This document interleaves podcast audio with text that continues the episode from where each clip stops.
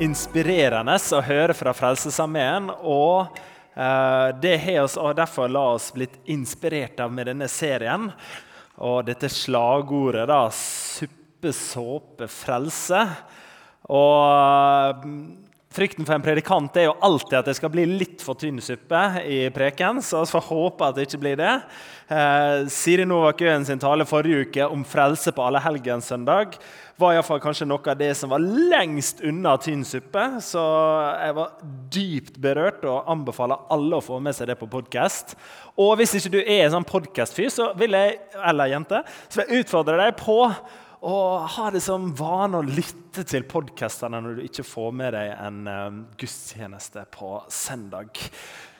Jeg heter Halvard Roasnes, um, en av pastorene her i kirka, og har fått da denne stikkordet 'suppe', som jeg skal prøve å pakke ut. Hva ligger det i det symbolet der? Og så er jeg inne i denne serien og så er sagt som en innledning at um, når Gud sender oss for å elske andre mennesker, så er det med omsorg for hele mennesket. Både det indre, det ytre og det åndelige behovet. Og Frelsesarmeen har over 150 år lagt vekt på å møte alle mennesker med disse stikkordene suppe, såpe, frelse. Og hvordan kan vi lære noe fra disse stikkordene om det å være sendt som kristne til å tjene andre? Og Som premiss for denne tanken om at vi skal elske andre mennesker, så ligger tanken at alle mennesker er skapt av Gud og har derfor en ukrenkelig og lik verdi.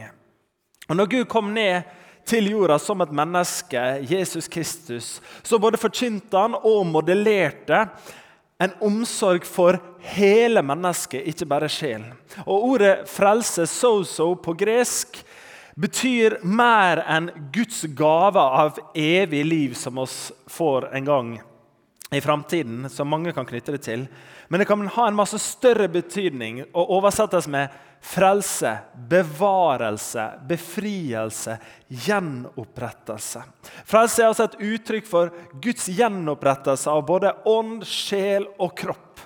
Det gjelder hele mennesket, og Bibelen sier at det gjelder til og med skaperverket det skal bli gjenopprettet. Og Kristne har til alle tider vært inspirert av Guds grenseløse kjærlighet og hans livsforvandlende omsorg og fulgt Jesus sitt eksempel og budskap om å vise omsorg for mennesker i dette livet og peke på et håp om frelse for livet etter døden. Og Stikkordet suppe det symboliserer de grunnleggende og fysiske behovene. Og Det bringer oss til neste spørsmål. Hva er behovene, og hva kan oss gjøre? La oss begynne med det bibelske perspektivet. Bibelens fortelling om verdens urettferdighet og lidelse er at oss har kjøpt en løgn. Løgnen at det ikke er nok til alle. Skapelsen er et uttrykk for Guds sjenerøsitet. Det er hans fest. Og når vi leser skapelsesberetningen, så leser vi et bilde av en tilværelse, av en fest der alle har nok. Og Der alle er invitert til å delta og være medskapere og gi videre. Hagen den er full av eh, vekster, full av eh, uendelige ting som mennesker kan nyte og spise. Og så får vi vite at menneskene skal dyrke jorden og dele det med andre. Men dette bildet er ikke det bildet som møter oss i verden i dag. Istedenfor en verden av overflod der det er nok til alle, så finner vi en verden med knapphet og mangler. Der noen har masse, mens andre har lite. Og I dette bildet så løfter Bibelen særskilt opp Guds omsorg for enken, de farløse og innflytterne. Så var det en gruppe som var mest utsatt på den tiden, fordi de ikke hadde noe sikkerhetsnettverk i form av nær familie som kunne ta vare på dem. Og oss leser i Salme 146, vers 7-8.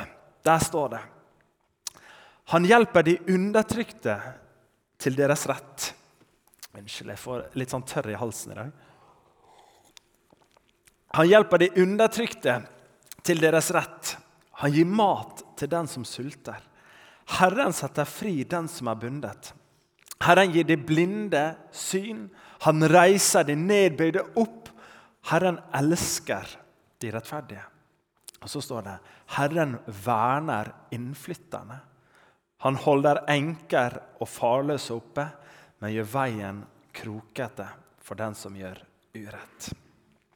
Du, Bibelens fortelling er at knappheten ikke kommer på mangel av ressurser, men pga. vår manglende evne til å fordele ressursene likt og ta vare på hverandre.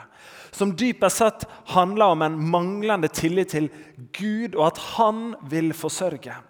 De første menneskene de stolte ikke på Gud, at han hadde gitt dem alt. og Derfor så tar de til seg den forbudne frukten. De griper det fordi de er redd for å ikke ha fått nok. Og Når oss blir ledet til å omfavne et tankesett om knapphet, og at jeg må bare passe på meg sjøl og mitt, så kan det åpnes opp en dør til å rettferdiggjøre seg sjøl. Der jeg må ta vare på meg sjøl og mine før jeg i det hele tatt kan begynne å tenke på andre. Og Istedenfor at verden blir en fest, så blir det en konkurranse der han kjemper om godene. Og I Det gamle testamentet så leser vi at Gud han begynner å vil reparere dette. her, Og at han sender Abraham, som han vil velsigne, slik at han kan være en velsignelse. De skal altså få komme inn i et land der det flyter av melk og honning, et bilde på overflod. Men problemet er at de oppfører seg som at det bare tilhører deg, og at det ikke er nok til alle. Og så er rett og slett som israelittene, som det står i Bibelen, prega av synden, vår skade natur, som gjør at oss er egoister hele gjengen. Og så er som Luther treffende sa, oss er innkrøkt i oss selv. Oppsummert så kan vi si at Bibelens problemformulering i kortversjon er dette. Det finnes nød og elendighet i verden. Denne nøden og elendigheten en følge av synden. Og dersom vi kunne utrydda synden, så ville vi også samtidig ha utrydda nøden og elendigheten. Det er det bibelske perspektivet på utfordringene oss står overfor. Og Vi skal videre til å være mer konkret på de konkrete humanitære behovene i Norge. Og Jeg velger å fokusere først og fremst på Norge, fordi det var det som lå på hjertet mitt inn mot denne søndagen. her. Og så tror jeg at Når vi belyser de spesifikke problemene i Norge, så tror jeg samtidig at vi får en økt forståelse av flere av de samfunnsproblemene som finnes i vår verden i dag. Og Statistisk sentralbyrå har i år gitt ut en ny rapport over de største humanitære behovene i Norge. Og Rapporten den løfter fram at det er noen grupper i samfunnet som har en høyere risiko enn andre eh, og har større humanitære behov. SSB har definert ti sanne hovedgrupper. Og Det er barn som utsettes for mishandling, vold, mobbing og omsorgssvikt. Det er personer med alvorlige rusproblemer. Det er innsatte i fengsel. Det er personer med alvorlige psykiske lidelser. Det er fattige barnefamilier. Det er personer med både helseproblemer og små økonomiske ressurser. Det er sosialhjelpsmottakere av alle slag. Det er eldre med demens. Det er asylsøkere og irregulære migranter. Og så er det seksuelle minoriteter. Og Hammersland og Barstad skriver i sitt sammendrag av rapporten finnes det også humanitære behov i rike Norge. I det som ofte betegnes som verdens beste land å bo i. Ja, også i Norge finnes det nød og lidelse som bør påkalle samfunnets oppmerksomhet selv om den ikke rammer det store flertallet. Og i motsetning til den nøden som springer ned i øynene i fattige land, så er den ofte mer skjult og mindre katastrofepreget. Dette er statistikkene og kategoriene. Men vi trenger også av og til å få et ansikt. Og Som pastor så møter jeg mange historier. og En fortelling som berørte meg nylig, det var en alenemor som eh, sto alene med omsorgen for sitt barn. Og jeg kjente på det som forelder. Jeg er sliten sjøl, og jeg tenker liksom steiketid. Men så kjente hun seg ensom og hun mangla krefter og ressurser til å håndtere alle de behovene og kravene i hverdagen. Og Hun kom til kirken og gikk ikke her, men for å finne håp og styrke. Og Min bønn er at oss skal også være et slikt sted at det kan finnes. Og Det bringer oss til neste del. Hvordan har da Gud sendt deg for å tjene dine medmennesker? Og Da skal vi lese det som er hovedteksten i denne talen sammen. Og Vi leser fra Romerne kapittel 12, vers 4-8. Vi har én kropp, men mange lemmer, alle med ulike oppgaver. På samme måte er vi alle én kropp i Kristus, men hver for oss er vi hverandres lemmer. Vi har forskjellige nådegaver, alt etter den nåde som er gitt oss. Den som er profetisk gave, skal bruke den i samsvar med troen. Den som har en tjeneste, skal ta seg av sin tjeneste. Og den som er lærer, skal undervise. Og den som trøster, skal virkelig trøste. Den som gir av sitt eget, skal gjøre det uten baktanker.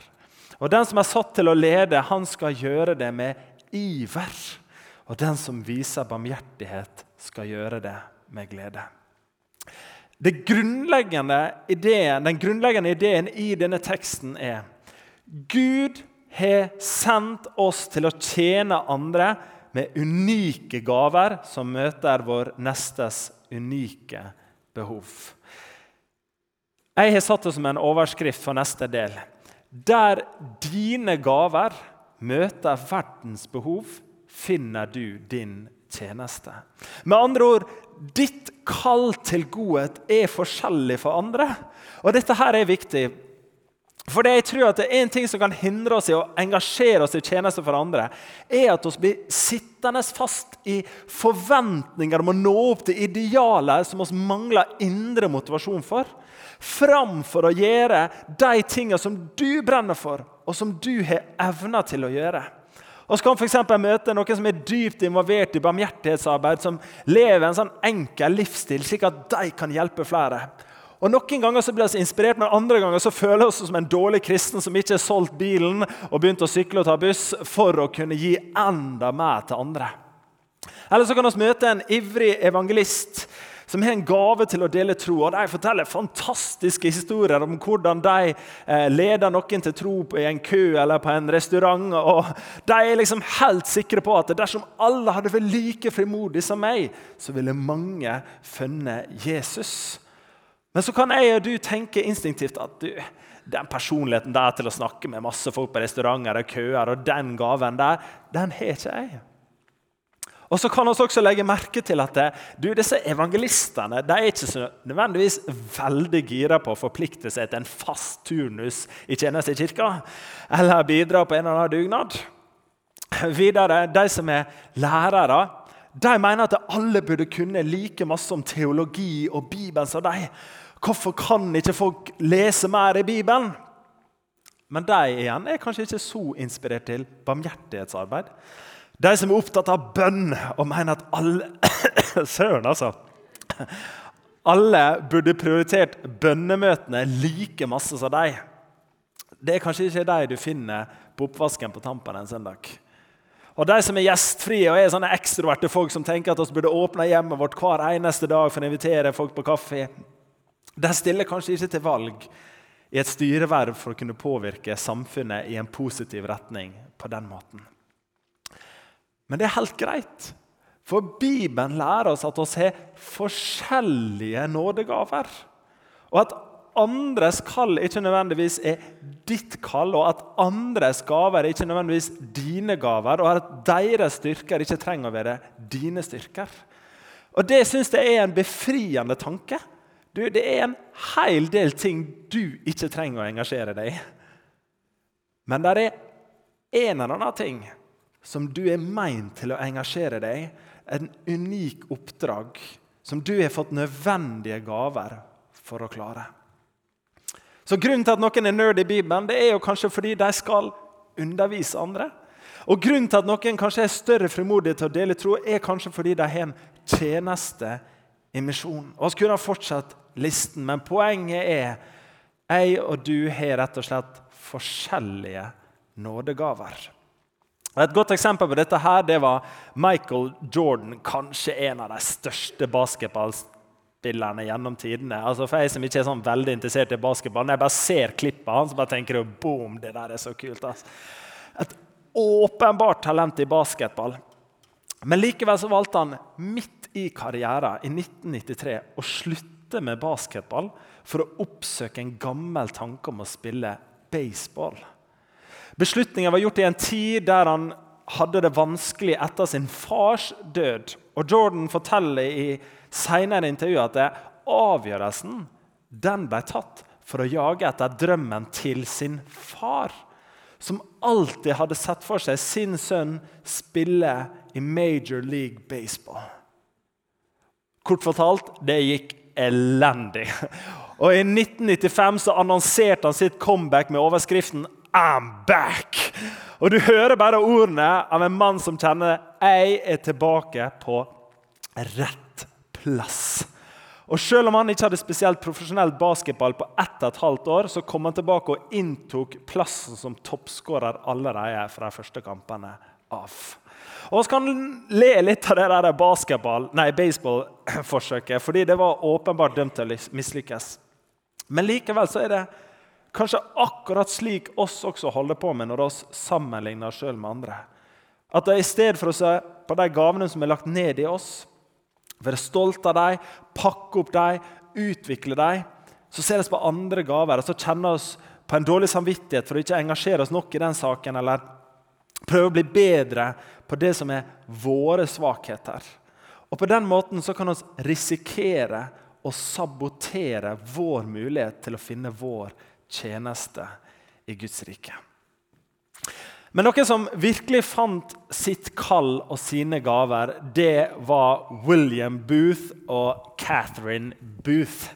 Og Jeg tenkte at vi skulle dele litt av deres reise til inspirasjon for oss. og Jeg leste to biografier om dem og syns det er spennende å lære om store menneskers liv som kan inspirere oss til å leve et større liv og for en større hensikt.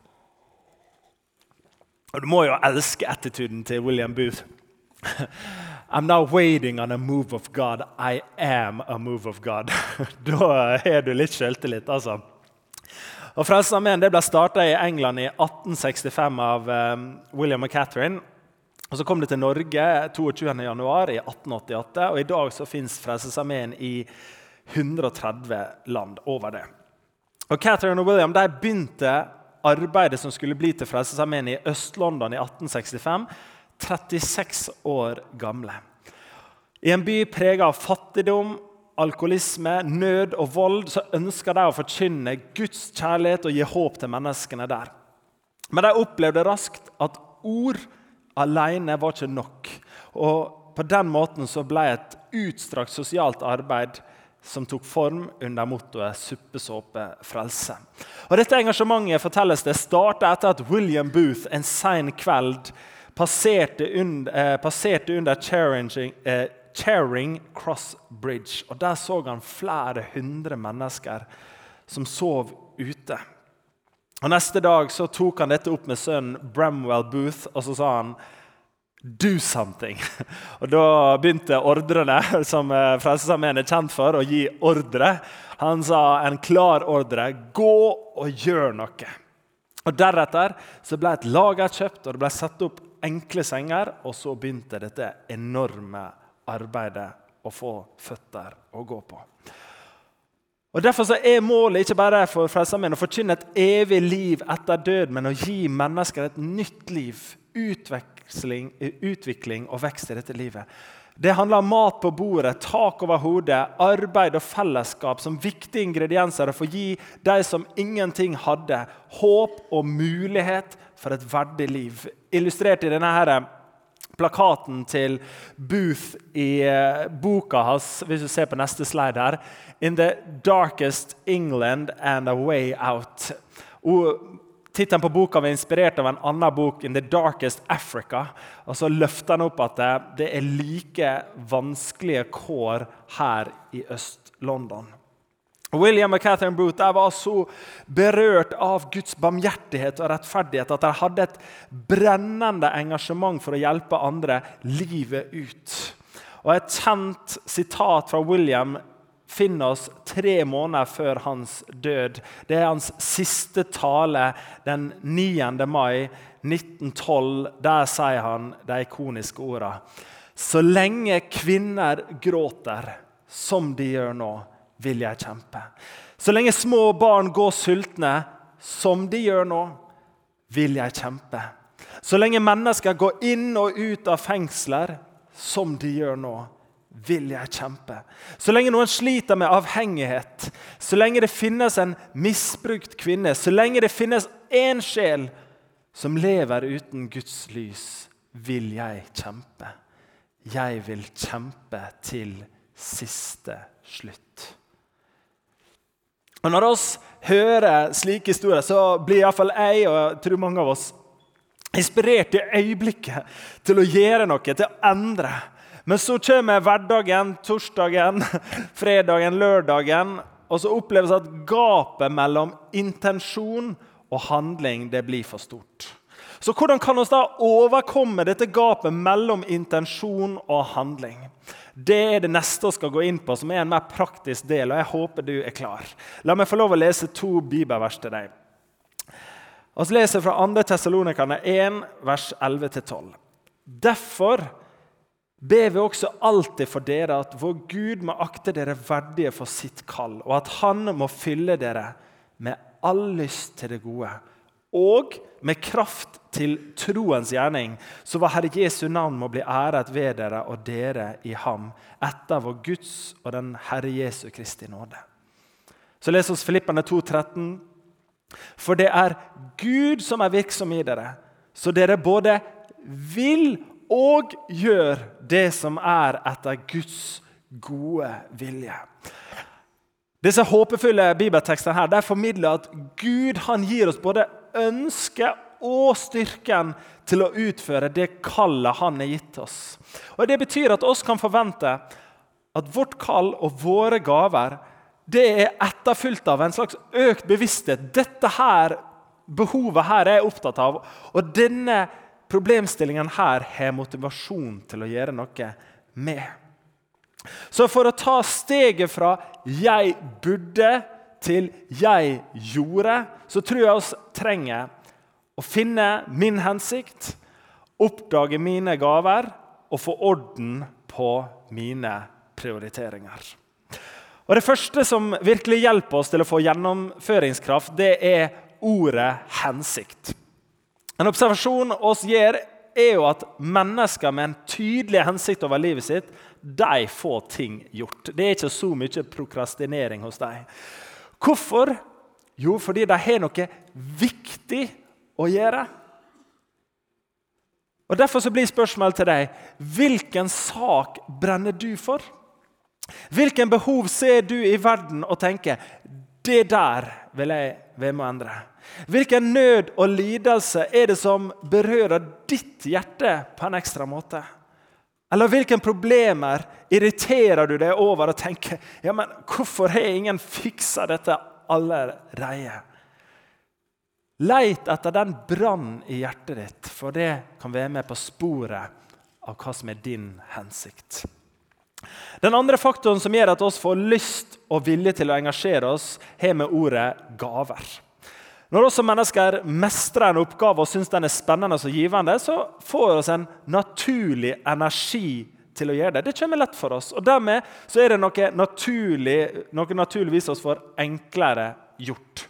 Og Personlig så skårer ikke jeg så veldig høyt på selvdisiplin og evne til å stå i det kjedelige. Og Dermed så risikerer en oppgave hjemme hos meg å stå ganske lenge ugjort hvis ikke jeg opplever å ha motivasjon og mestring til det.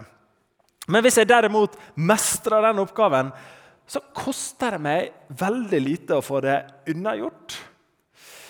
En annen medarbeider jeg snakka med, reflekterte over den tiden de hadde vaskelag her i Filadelfia-kirken og vaska bygget på dugnad. Og Han sa jeg, bo, jeg, liksom, jeg bidro av plikt, men det var alltid et stort tiltak for å dra ned og gjøre den jobben. Men sett meg til å jobbe med økonomi, så kan jeg sitte der alene i kjedelige Excel-ark i flere timer uten at det koster meg noe som hele tatt. Mens for andre er jo det helt motsatt. Å, Sett meg alene med et Excel-ark, og jeg spyr liksom for lov å gjøre noe praktisk. Men når det er sagt, så vil jeg understreke at det, det fins noe som kalles et fellesbidrag. Der alle er med og hjelper til å gjøre den jobben som må gjøres. Både på jobben og i hjemmet og kirken. Så du kan ikke komme hjem og si at du, Halvard han sier jeg trenger ikke å ta oppvasken, fordi det er ikke min styrke. Det er ikke det å snakke om. Men på samme tid så tror jeg at jeg og du har et unikt bidrag som bare du kan gjøre. Og som er det som tilfører størst verdi til en organisasjon eller person. Tenk hvis jeg skulle ha stått opp her og prøvd å synge over ved låsangsleder for dere. Det er ikke sikkert at den verdien jeg hadde gitt, hadde vært like stor. Og Derfor kan du stille deg spørsmålet hvilken oppgaver gir energi? Hvilken oppgave gir det energi? Og hvilken oppgaver tar energi? For noen uh, uker siden så satte jeg ned ved frokosten og så skrev jeg på to kaffefilter ene kaffefilteret. Hva er det som gir meg energi? Hva er det som tar energi? Kanskje du skal prøve å ta den øvelsen på en, kaffe, eh, på en frokostmorgen, du også. Den tredje faktoren som beveger oss fra idé til, handling, idé til handling, det er å få orden på våre prioriteringer. Livet det består av mange konkurrerende behov. og Det virker for meg at de mennesker som har lært seg å prioritere det som er viktigst i livet deres, bruker mer av tiden sin på å gjennomføre det som er vesentlig. Og Som etterfølgere av Jesus så har vi faktisk tatt imot et kall til å leve for noe som er større enn oss sjøl. Og det innebærer å bruke mer av vår tid, vår energi og våre ressurser på å være med å realisere det store nestekjærlighetsbudet og det store oppdraget som Gud har gitt oss. Og Like som Jesus døde på korset for våre synder og tok på seg verdens ondskap for at oss skulle få tilgivelse, et nytt og evig liv, så er oss også kalt til å ofre noe av vårt liv for at andre skal få liv. Oss er kalt til å gi videre det oss sjøl har mottatt til andre. Og Derfor er det mange av oss, inkludert meg sjøl, som trenger å stadig omvende oss fra vår egen vei, som ofte handler om meg og mitt, og begynne å følge Jesus sin vei, som i større grad handler mer om andre og Guds rike. Å omvende seg det er så enkelt som å begynne med å erkjenne jeg har prioritert feil. Og så bekjenne jeg ønsker å leve annerledes. Og så må vi handle på de idealer og forpliktelsene oss har satt oss. Og Det valget om å prioritere andre er ofte et valg mellom det jeg har mest lyst til akkurat nå, og det jeg dypest sett har lyst til. Det er slik i mitt liv at det er mange situasjoner som jeg har mest lyst til å slappe av og gjøre noe for meg sjøl. Men det jeg dypest sett har lyst til, er å kunne bety en forskjell for andre. Og Her kommer heldigvis Den hellige ånd oss til hjelp. Og så er et uttrykk i hverdagen som heter 'å få ånden over seg'. Og Det betyr at vi får inspirasjon og motivasjon til å få gjennomført en oppgave. Og Jeg opplevde at når Den hellige ånd minner meg om en oppgave, så får jeg ofte energien og tida til å gjennomføre den. Derfor er det blitt et motto og et råd til meg sjøl som jeg har lyst til å anbefale dere på det aller varmeste. Ikke kast bort en ledelse fra Den hellige ånd. Fordi i samarbeidet med Han så kan jeg få gjort så mye mer enn det jeg klarer i egen kraft. For I Det nye testamentet så blir Ånden gitt navnet Parakletos, som betyr hjelperen og oppmuntreren. Og Det er fordi at Gud han er gitt et løfte om å være med oss alle dager ved sin Hellige Ånd. Og den Hellige Ånd vil hjelpe deg til å velge det du dypest sett har lyst til, og ikke bare det du har mest lyst til i øyeblikket. Helt til slutt så vil jeg løfte fram to eksempler, to forbilder på å gjøre verden til et bedre sted, som jeg håper kan få lov å inspirere oss til handling. Og Det er Brothers ved Kim Evensen, som går i denne kirka, her, og Evangeliesenteret sitt kontaktsenter her i Oslo ved Stian Ludvigsen i spissen. Og Kim Evensen han eh, er grunnlegger og daglig leder av Brothers, en bevegelsesorganisasjon som jobber for bedre vennskap mellom menn. Og Han brenner for at vi må bli bedre på å snakke sant om livet. Bedre til å investere i vennskap, bedre til å være ekte og sårbare. Og Han drømmer om at alle gutter skal ha solide guttevennskap og på den måten bekjempe ensomheten som finnes i denne verden. Og Den som har møtt Kim, han, de har erfart at han lever det han lærer. Han er ekte, han er ærlig, han er varm på en sånn naturlig måte at andre åpner seg opp til å være seg sjøl. Og En ting jeg elsker med Kim, det er hans pågangsmot. Hans tro på at mitt og ditt bidrag betyr noe. En annen som inspirerer oss og meg, det er jo Evangeliesenteret sitt kontaktsenter og matdeling med Stian Ludvigsen i spissen. De hjelper rusmisbrukere inn i rusomsorgen. og Uke etter uke så kommer de i kontakt med folk som er helt på bunnen av sitt liv, og reiser dem og hjelper dem inn til rusrehabilitering. Men ikke bare det, så delte de altså i 2020 ut 418 tonn med mat til sine brukere og et varmt, og må, varmt måltid og kjærlighet til hundrevis i løpet av uken. Og jeg er oppriktig stolt av vårt samarbeid med Evangeliesenteret. Både økonomisk og være en av de største frivillige eh, eh medarbeideraktørene som er samarbeider med dem. Og Et høydepunkt for meg det er også vår årlige gate-barbecue, som dere ser bilde av her, der oss steller i stand en skikkelig fest med grillmat og brus og deilig godteri og eh, gaver og osv. Der vi bare ser at det nytter, at det varmer. Og Mottoet til Evangelsenteret det er 'Ennå er det håp'. Og Det forteller meg om en holdning som er så utrolig fin.